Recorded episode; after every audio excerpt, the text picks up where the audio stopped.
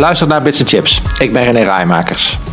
In deze podcast praat ik met Tom Omen over zijn vakgebied regeltechniek. Regeltechniek is een verborgen techniek die bijna overal in zit. Zeker in de toepassingen die high-tech bedrijven rondom Eindhoven ontwikkelen. Na enkele internationale jaren keerde Tom Omen weer terug naar Eindhoven. Want juist daar voelt hij zich als een vis in het water. Juist die omgeving apprecieert ook zijn, zoals hij dat noemt, applicatiegedreven fundamenteel onderzoek. ASML, Canon, Demcon, Philips, Thermo Fisher. Iedereen lijkt met de onderzoeksgroep van Tom Omen te willen samenwerken. Dit is de eerste van twee podcasts die allebei wat technischer zijn dan de voorgaande. In dit eerste gesprek vertelt Tom over zijn vakgebied en de impact van regeltechniek op high-tech toepassingen. En in het tweede deel komen zijn motion control tuning trainingen aan bod.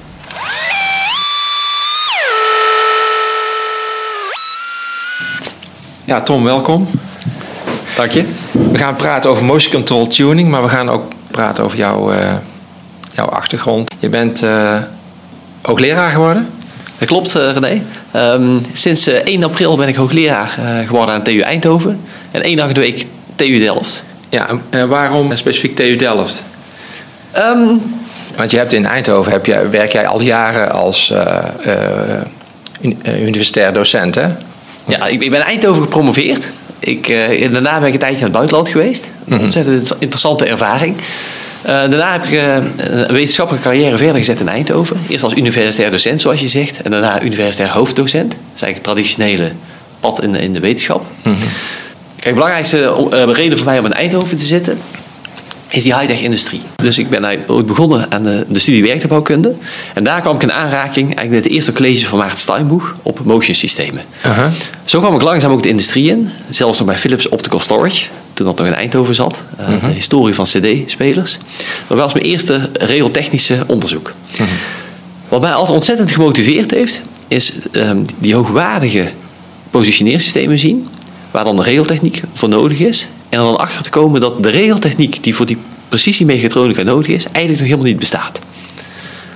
Nou, da daar ben ik um, in mijn wetenschappelijke carrière aan begonnen om die regeltechniek te ontwerpen die daadwerkelijk die toepassingen verder bracht. Ook met die optische leessystemen moesten steeds nauwkeuriger, steeds meer data op, op uh, mm -hmm. CD-drives, Blu-ray-drives, echt wat later. En die ook nog eens goed tegen schokken kunnen, dus dat als een mobiel apparaat. Mm -hmm. Nou, daarvoor is steeds betere en robuustere regeltechniek nodig, die ook nog eens werkt voor heel veel uh, schijfjes. En het, het werd zelfs uh, zo gek dat er op een gegeven moment schijfjes met scheuren uitgelezen dienen te worden. Nou, hoe, hoe maak je nou een CD-speler of een DVD-speler die dat kan? Nou, daar zijn we dus nieuwe regeltechnische tools voor gaan ontwikkelen. Ah ja. Um, die, die, dat mogelijk maken. Dus uh, er werden steeds hogere eisen gesteld aan optische leesapparatuur en schrijfapparatuur. Ja. Het moest tegen schokken kunnen. Ja.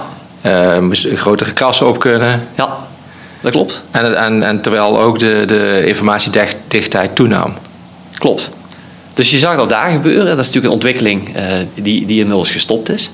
En gaandeweg kwam ik steeds meer in aanraking met, met uh, optische lithografie.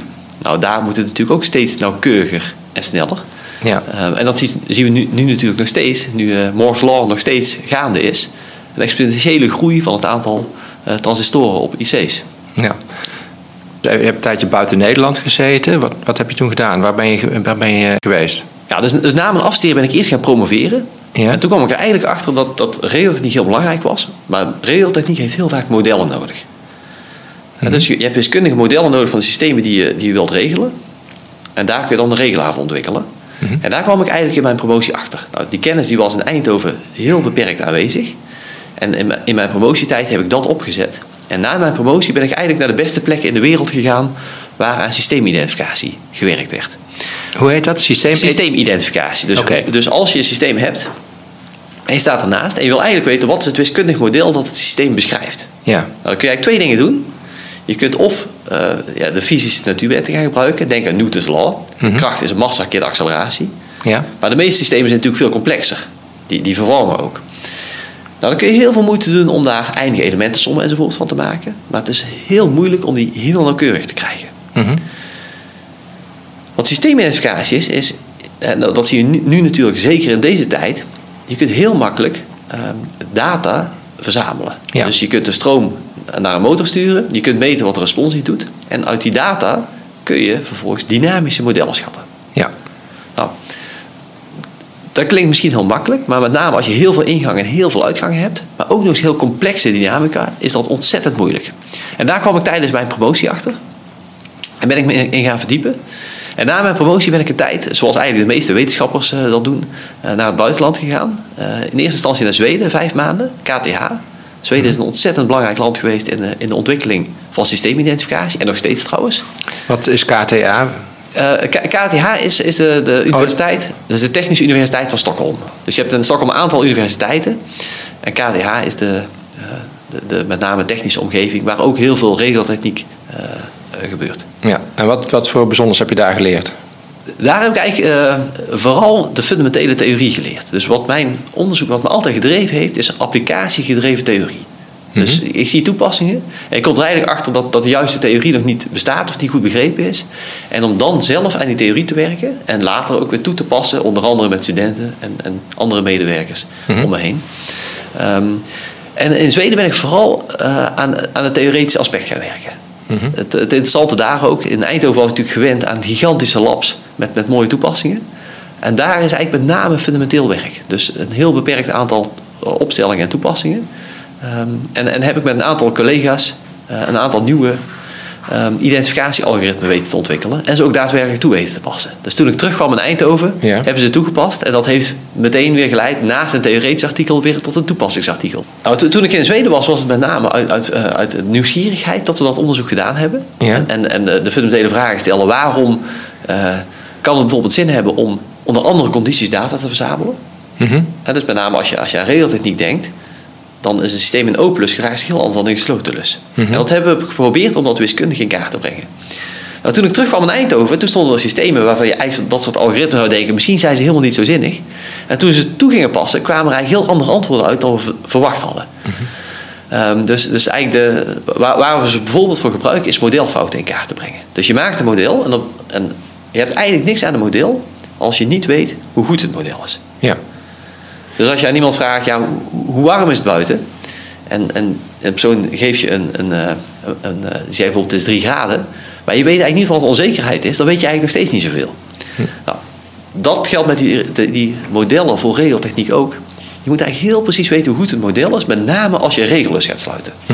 Met name omdat het systeem ook instabiel zou kunnen worden als je niet uitkijkt. En dan gaan ze ook kapot. Nou, we hadden allerlei technieken om dat te doen. Sowieso de hele omgeving, uh, daar kan ik straks wel wat meer over vertellen misschien, mm gebruikt hier eigenlijk niet parametrische modellen, frequentie-responsfuncties. Dus naar welke industrie je ook gaat, eigenlijk kun je overal die zogenaamde bodeplaatjes en frequentie-responsfuncties terugzien. Mhm. En dat is ook de, de common language eigenlijk in, in de high-tech regio rondom Eindhoven. En er was een heilig geloof in dat die correct waren. Nou, we kwamen er eigenlijk achter dat als je niet uitkijkt, dat er gigantische fouten in kunnen zitten. En dat konden we doen met die nieuwe uh, algoritmen die we in Zweden ontwikkeld hadden. Het was zelfs uh, zo erg dat ik een, uh, een, student daarop had gezet. En ehm, die student die ging modelfouten in kaart brengen. Ja. En die waren factor 2 te groot. Dus, dus teruggestuurd, dat zal wel fout zijn in je, in je, in je softwarecode. Alles nagekeken. En het bleek inderdaad dat de modelfouten gewoon een factor 2 groter waren dan dat we oorspronkelijk verwacht hadden. Dus die modelfouten, die, uh, die bleken, toen je ging meten, bleken de modellen gewoon uh, fout te zijn. Ja, en aanzienlijk veel slechter dan we gedacht hadden. Mm. En dat komt, mechanische systemen hebben demping. Dus, dus als je een trilling hebt, dus als je op tafel uh, dik geeft, dan, dan hoor je een uitdempende toon. Ja. En dat uitdempen onderschatten we altijd zwaar. Mm. En dat kwam eigenlijk omdat die, die frequentie-responsmodellen, dat, dat daar in, in het maken daarvan fouten gemaakt werden. En dat je dus eigenlijk de, de resonantiepiek net gemist had. Mm. En met die nieuwe algoritme waren we in staat om exact die, die resonantie in kaart te brengen, de maximale versterking. En, en dat leidde toch tot, uh, tot belangrijke inzichten. Ja. Nou, het, het, interessante van KTH was dat het, het is natuurlijk Europees en, en uh, toch best wel vergelijkbaar met Nederland. Daarna ja. ben ik een, een, een, drie maanden naar Australië gegaan. Oké. Heel ander soort land.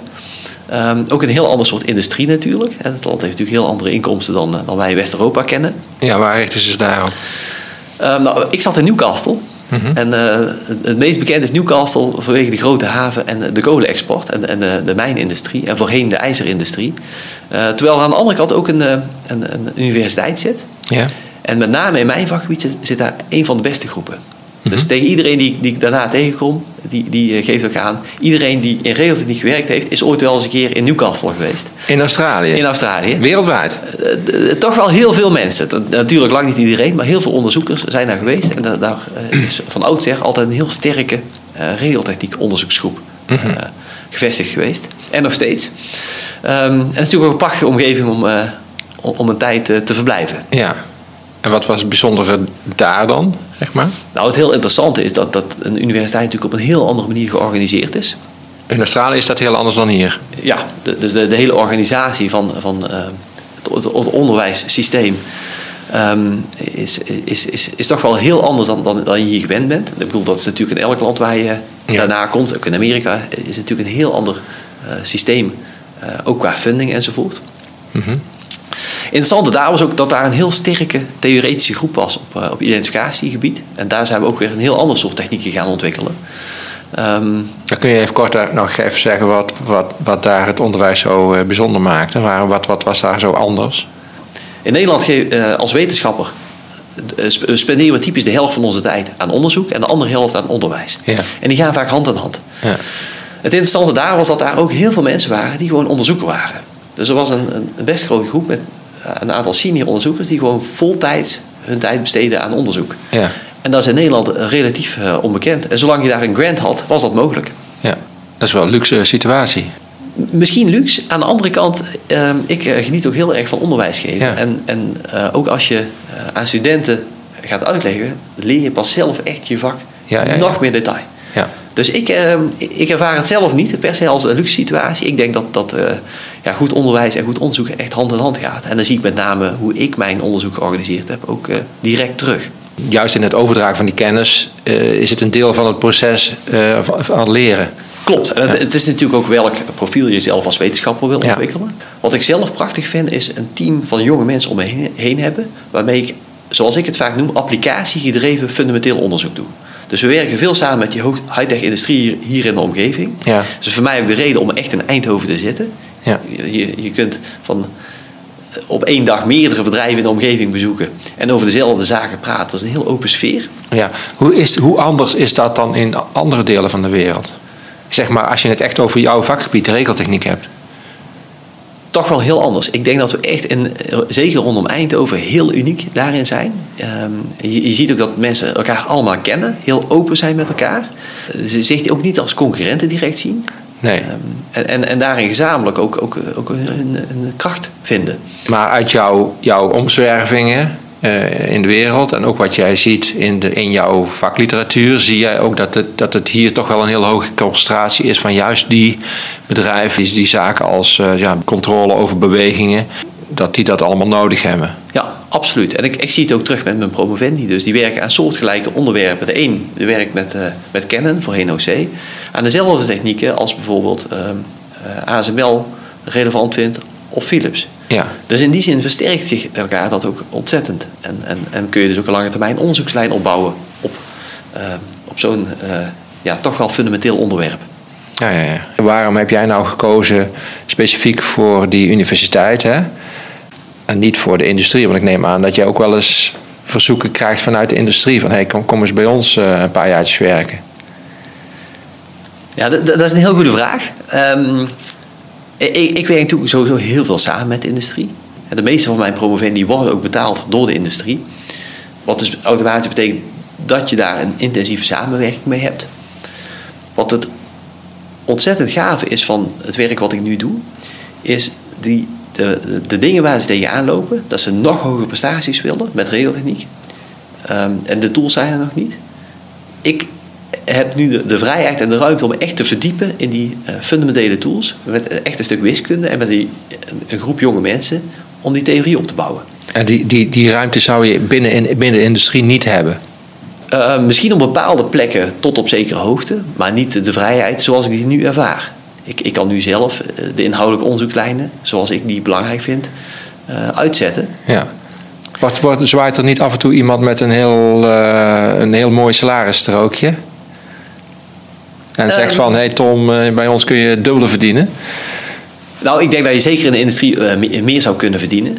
Um, maar, maar, het is ook gewoon de, de, de inhoudelijke drive uh, en de vrijheid die daarbij hoort. die gewoon ontzettend gaaf is om, uh, om mogelijk te maken. Ja, maar jij, hebt, jij maakt ook topdagen. Ik bedoel, als jij, ehm, je, hebt, je hebt kinderen, je, je moet aandacht besteden aan je studenten, je moet publiceren. Dus die, er zit ook een hele hoge druk in, in de academische wereld.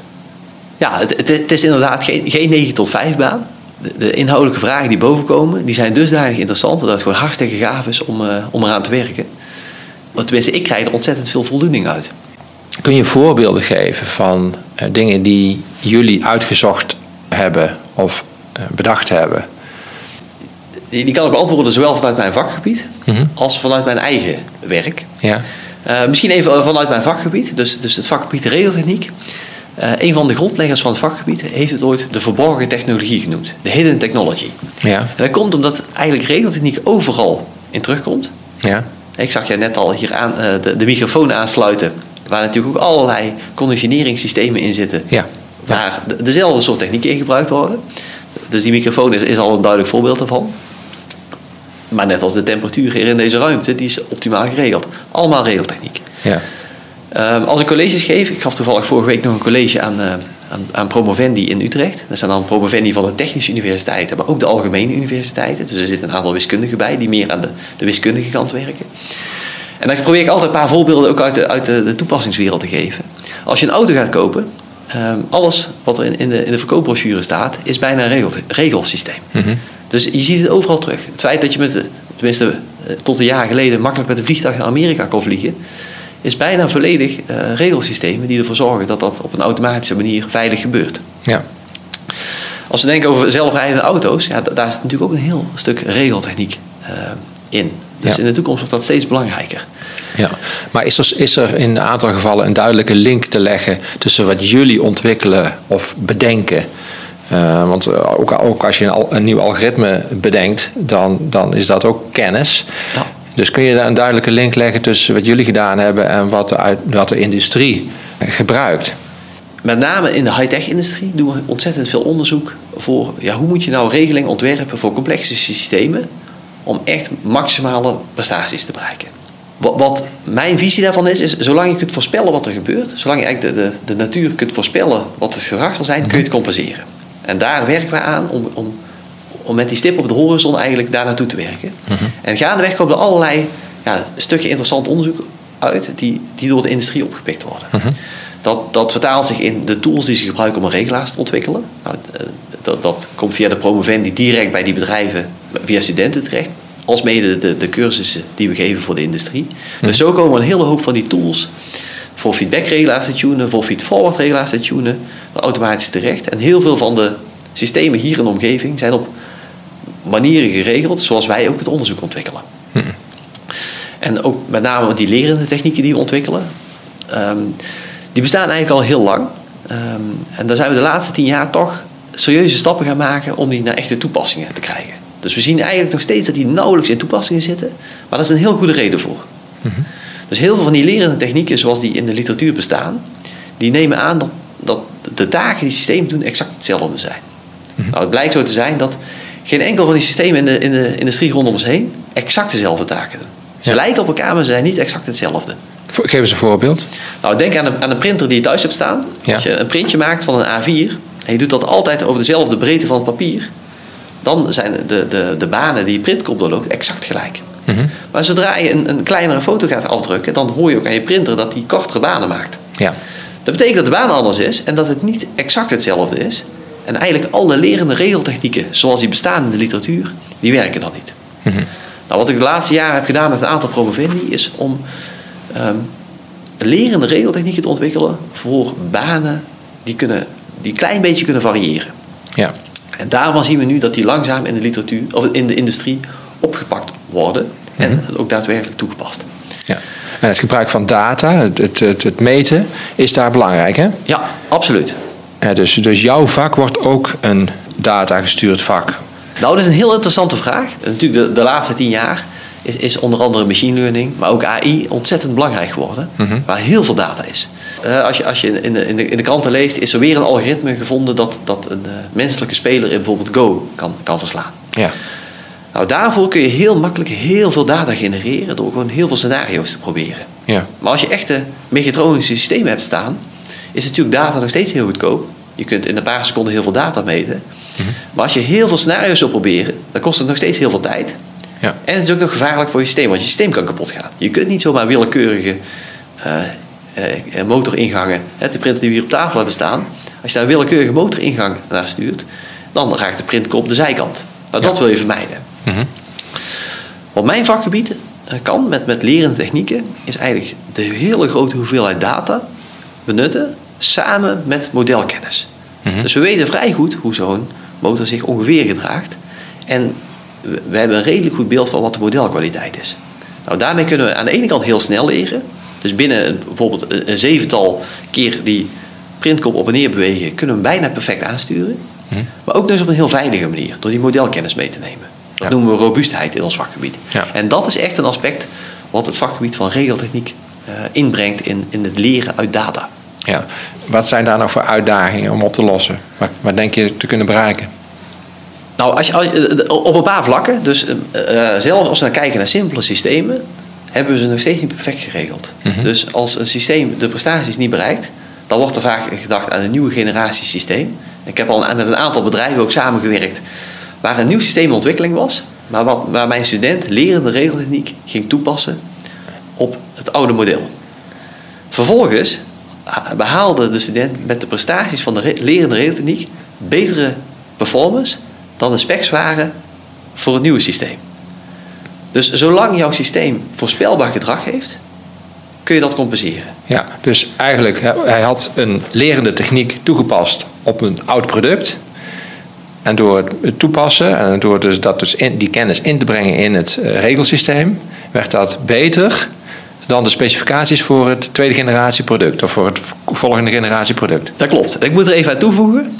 De directe begeleider geloofde de student ook niet. En die dacht dat er een fout in de, in de, in de verwerking zat. Ja, Omdat het systeem zulke prestaties niet zou mo- moeten kunnen halen.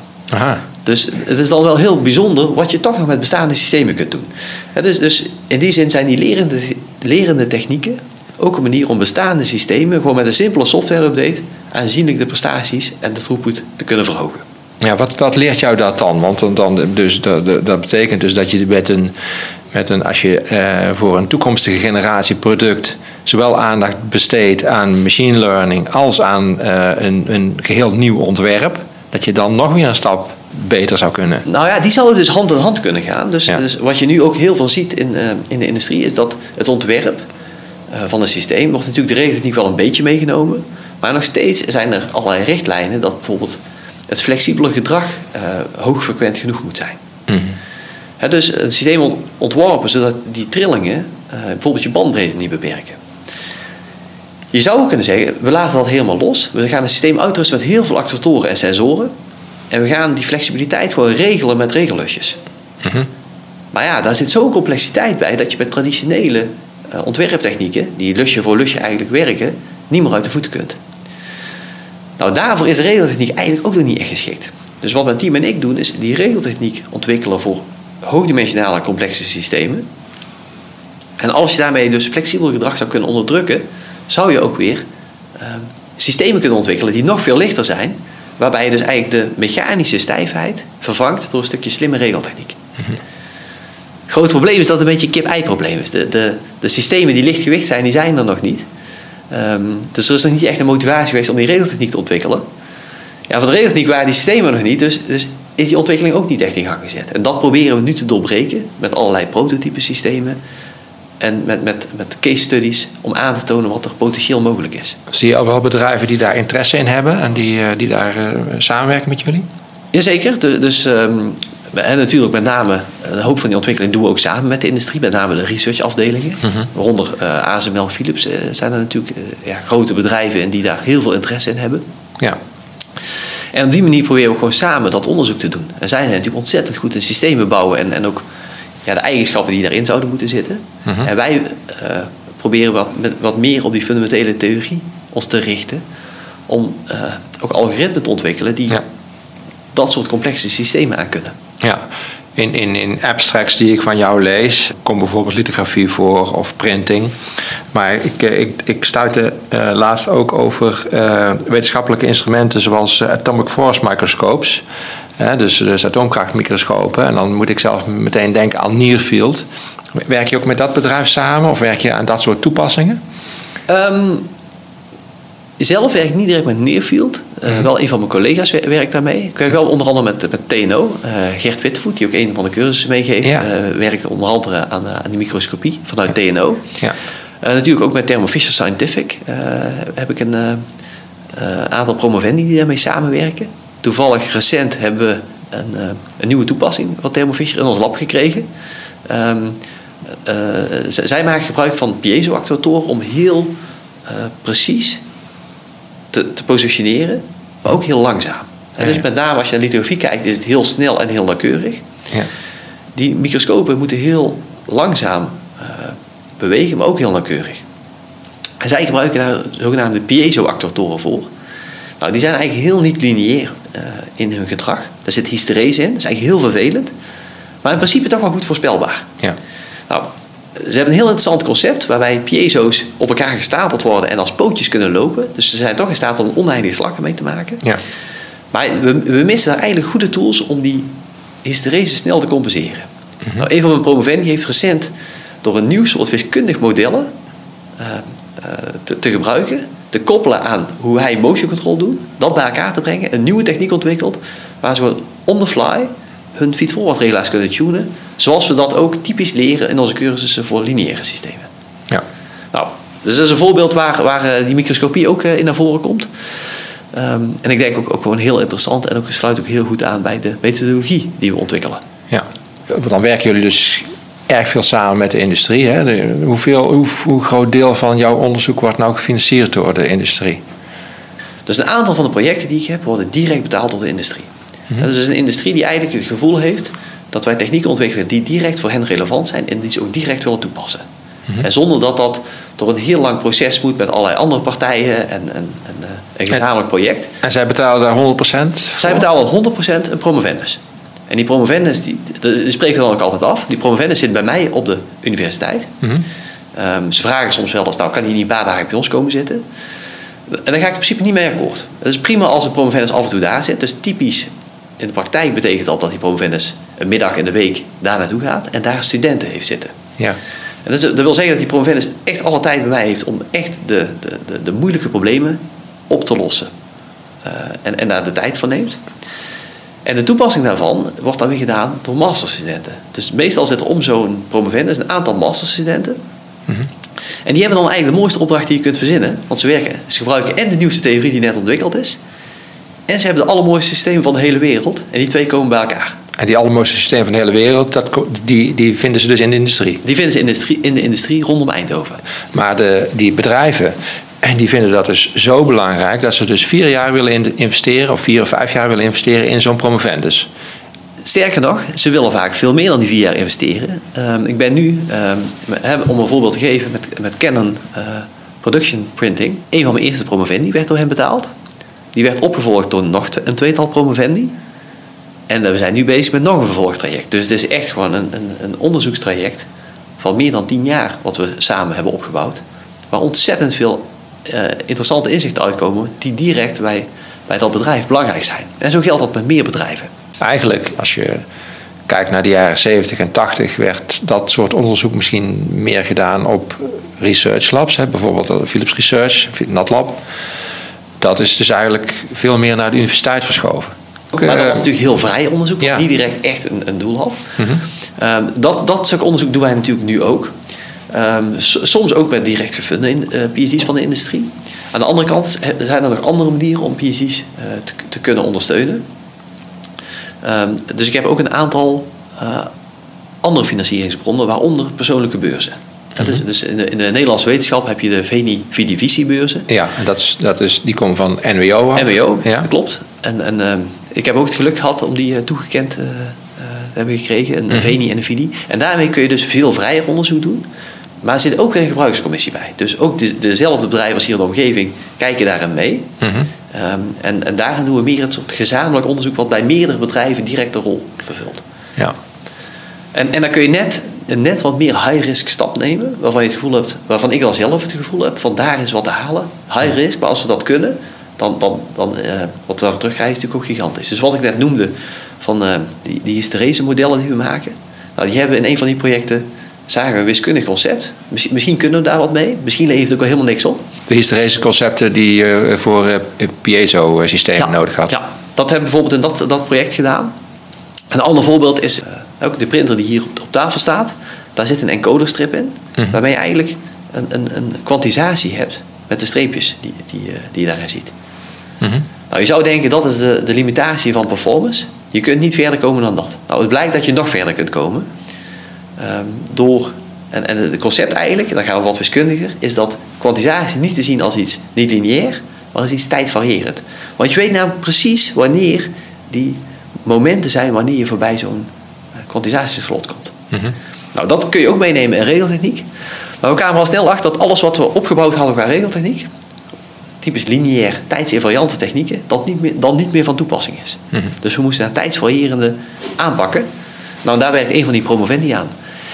Um, en er was in het begin een, een, project waarvan we nou, misschien ooit een toepassing zouden vinden, maar waar we gaandeweg toch wel industrieën hebben gezien die ontzettend veel interesse in hebben om dat soort technieken toch te gaan benutten in hun, in huidige toepassingen. Dat betekent gewoon dat je of goedkopere sensoren kunt gebruiken, of hoge prestaties kunt halen met dezelfde sensoren. Maar beide is natuurlijk mooi. Ja, maar als je nou even teruggaat naar de vraag van waar de industrie zijn kennis haalt. Hè. De industrie, zoals ASML, heeft natuurlijk een gigantische uh, hoeveelheid uh, onderzoekers en ontwikkelaars. Toen ook een beroep op, op jullie. Is, is het nou zo dat toch meer fundamentele of wel toepasbare kennis steeds meer naar universiteiten verschuift? Of ja, hoe zie jij dat evenwicht? Dat is een interessante vraag. Kijk, ASML heeft, tenminste als we terugkijken, dat is natuurlijk een heel lange historie aan vooraf gegaan. Ja. Um, in het begin van het gesprek had het al over dat uh, een van mijn eerste uh, onderzoeksklussen in, uh, in, in de regeltechniek samen met de industrie was bij Philips. Dat was ook de tijd dat, dat Philips CFT was dat destijds, heel veel onderzoek deed voor ja. ASML. Ja. Dus dat was eigenlijk een stuk industrieel onderzoek voor lithografie. Toen ik klaar was met, bijna klaar met promoveren, begon ASML Research, uh, een eigen mechatronica uh, afdeling. Ja. Um, en daar, daar, was ik toen ook mee in gesprek, want ik was op een onderwerp direct relevant voor ASML Research.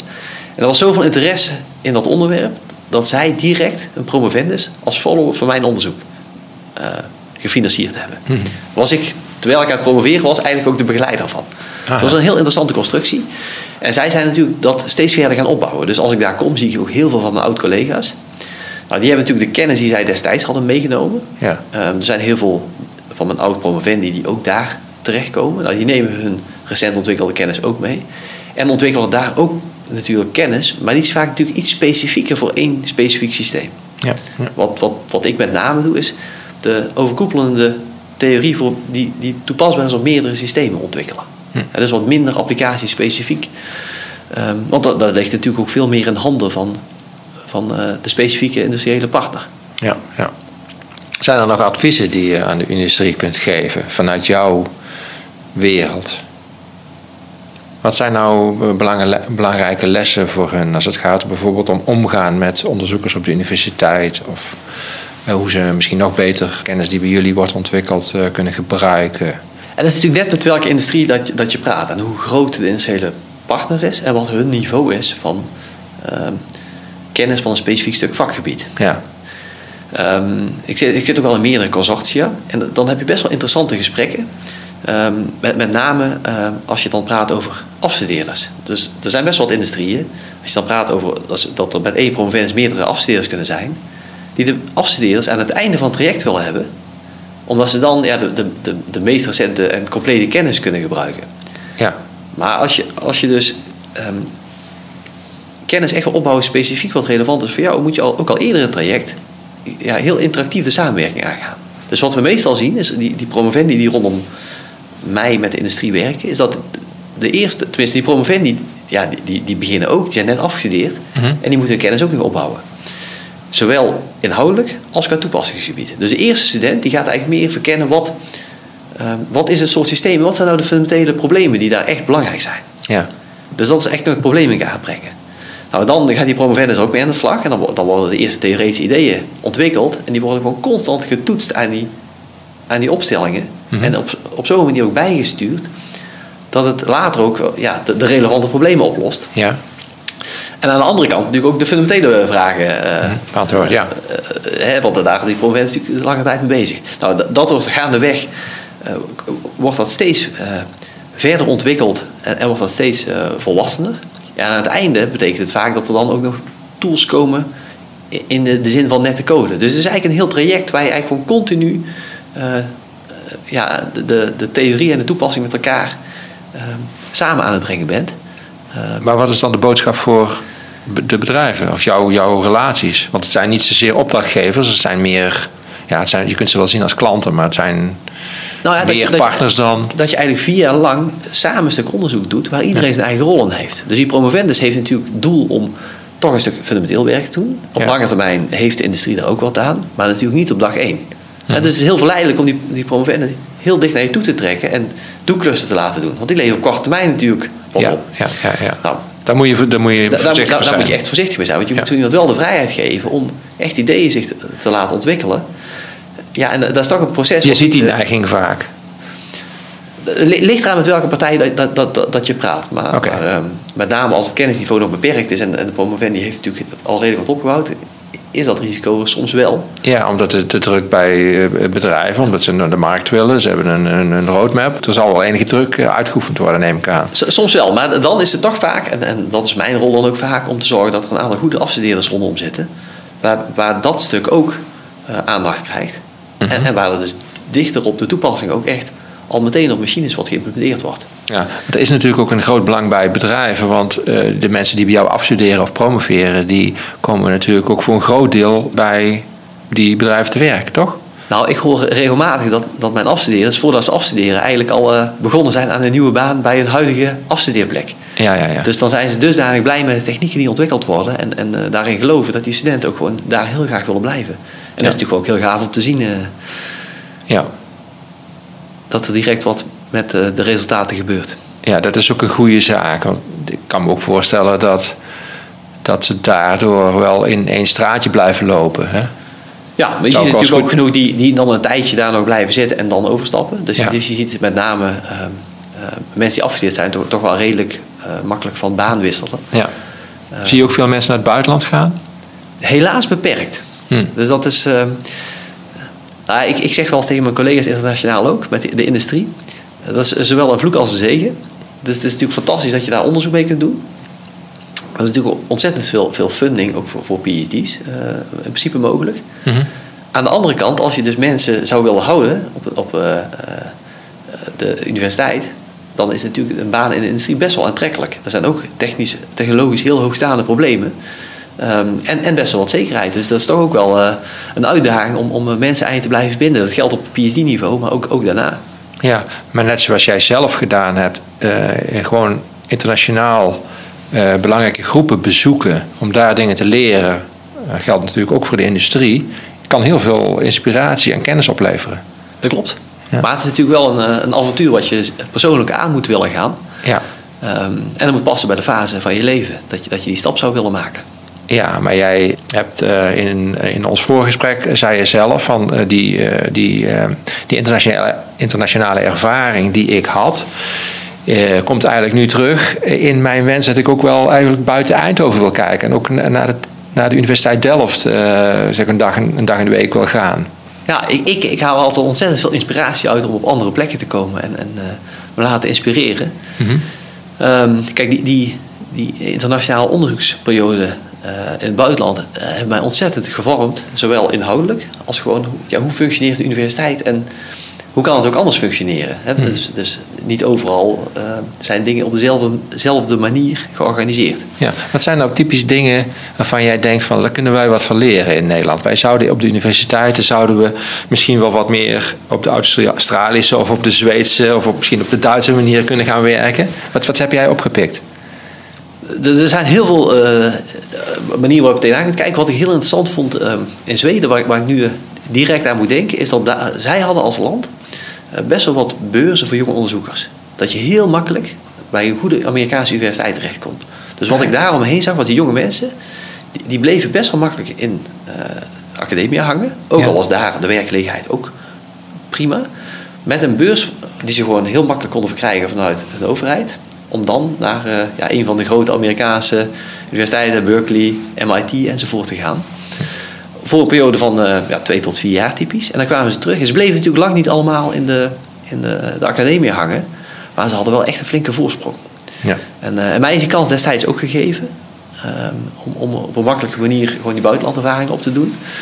Um, en dat is eigenlijk ook wel een essentiële stap om gewoon in die wetenschappelijke wereld gewoon je echt in, in, te vechten. Want het is gewoon een internationale wereld. Ja.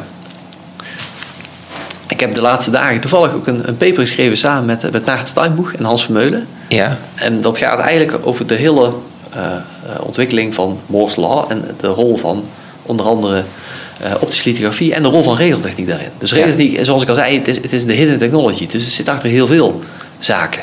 Ja, is dat niet, dat is ook wel een klein beetje frustrerend, hè? dat jullie uh, zorgen voor gigantisch veel prestaties, hoge nauwkeurigheid. En eigenlijk is dat een, ja, wordt dat gezien als een service, als het ware, als een, als een dienst die eigenlijk altijd, altijd ter beschikking staat. En de fysici en de optici die, die gaan met de eerste rijken bij wijze van spreken.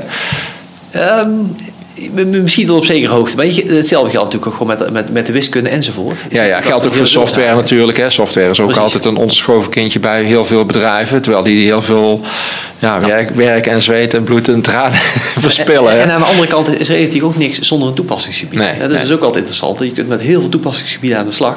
Ja. Maar zonder toepassingsgebied kom je ook niet. Dus in die zin is het gewoon een teamwork. Ja. Ja, ja. Waar je rollen moet uh, vervullen. Een van de interessante toepassingen die, die recent veel aandacht heeft gekregen, is um, een stuk onderzoek wat we doen samen met uh, Maccabi en, en Demcon over mechanische ventilatiesystemen. Dat is ook wel ontzettend interessant. Klinkt heel simpel. Klinkt heel simpel. Maar met name de, het laatste jaar heeft dat ontzettend veel aandacht gekregen. We zijn er al een aantal jaar geleden daarmee begonnen. Maar je ziet eigenlijk dat, dat als je patiënten moet beademen, mm -hmm. ademen is ook een heel periodiek fenomeen. En het lijkt natuurlijk, je ademhaling lijkt ook elke keer best wel veel op elkaar. Ja. Maar het is natuurlijk niet elke keer gelijk. Maar ook elke patiënt doet dat anders. Mm -hmm. Dus we hadden het idee om daar ook lerende regeltechniek op toe te passen. Zodat je voor elke patiënt een optimaal drukprofiel gaat aanbieden. En is het gelukt? Nou, dat, dat is wel redelijk gelukt. En wat daar ook wel heel interessant is, is dat je dus met, met regeltechniek uh, kun je dus gaan meenemen dat elke patiënt, dus een, een baby is heel anders dan ja. een, iemand die op, op hogere leeftijd is. Mm -hmm. Qua longinhoud um, enzovoort. En, en, je hebt natuurlijk allerlei uh, afwijkingen ja. in, in longen waar je op moet aanpassen. Nou, we zijn in staat geweest om, om daar dezelfde soort modellen van te maken. Nou, die hebben wat meer onzekerheid dan, dan precisiemechatronica natuurlijk. Mm -hmm. Maar met dezelfde lerende regeltechniek kun je vrij snel dus optimaal drukprofiel aanbieden. Waarmee je dus eigenlijk veel beter uh, ook in, dat soort domeinen uh, behandelingen kunt doen. Ja. Dat is wel heel interessant, want ik ben natuurlijk helemaal geen expert op, uh, op hoe modelleer je longen. Maar met de kennis die we hebben, samen met, met medewerkers van daar, um, promovendi, promovendus die re regelmatig uh, met, met de artsen in contact is, ja. uh, zijn, we daar dus een stuk regeltechniek voor aan het ontwikkelen die dat mogelijk maakt. Daar ben je nu nog mee bezig? Daar zijn we nu nog actief mee bezig. Hij ja. hoopt eind van dit jaar uh, klaar te zijn. Um, en we praten ook over een vervolgproject, want het is dusdanig succesvol om, ja, om eigenlijk op een nog betere manier ondersteuning te doen. We hebben ja. eigenlijk de basissituatie met wat ze eigenlijk sedated patients noemen. Mhm. Dus patiënten die, die niet bij bewustzijn zijn. Maar als een patiënt wel bij bewustzijn is, dan kun je natuurlijk je eigen ademhaling beïnvloeden. Dus je kunt zelf beginnen met inademen en daar moet een algoritme natuurlijk op reageren. Mhm. Nou, om dat in kaart te brengen, wanneer begint iemand met adem te halen, dat is best wel moeilijk. Mhm. Nou, en dat willen wij inbouwen in die lerende regelalgoritme. Uh, dus dat is eigenlijk gewoon heel veel data gebruiken, combineren met modellen, om zo uh, ja, systemen te maken die, die veel beter aansluiten bij, bij een breed scala patiënten. En eigenlijk ja. specifiek per patiënt. Dat is comfortabeler voor de patiënt of is het... Nou ja, wat je, wat je nu wat, ziet... Wat, wat, is, wat is het voordeel? Wat je, wat je nu ziet is dat, um, de, um, dat artsen heel vaak um, de, de uh, mechanische ventilatiesystemen instellen in het ziekenhuis. Dus ja. Zij, zij hebben daar best wel wat ervaring mee. Hoe ze dat per patiënt moeten bijstellen om dat optimaal in te stellen. Ja, maar dat kost natuurlijk tijd. Ja. En ja, ze zijn natuurlijk zeker in deze tijd extreem druk. Ja. Dus als dat automatisch kan, of als je al beter kunt ondersteunen hoe ze dat in moeten stellen, helpt natuurlijk ontzettend. En het is natuurlijk ontzettend belangrijk dat, met name als je dus een kleine longinhoud hebt, dat je daar niet veel te veel lucht in blaast. Ja. Ehm, ik hoef het voorbeeld van een ballon eh, natuurlijk niet, eh, niet, niet te geven. Dus in die zin is het ontzettend belangrijk dat dat op een goede manier gebeurt, dat ook op een veilige manier. En daar mhm. is regeltechniek eh, kan, kan er ontzettend bij helpen.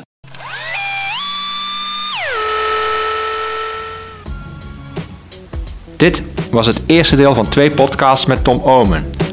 Volgende week in gesprek met hem over zijn motion control tuning trainingen.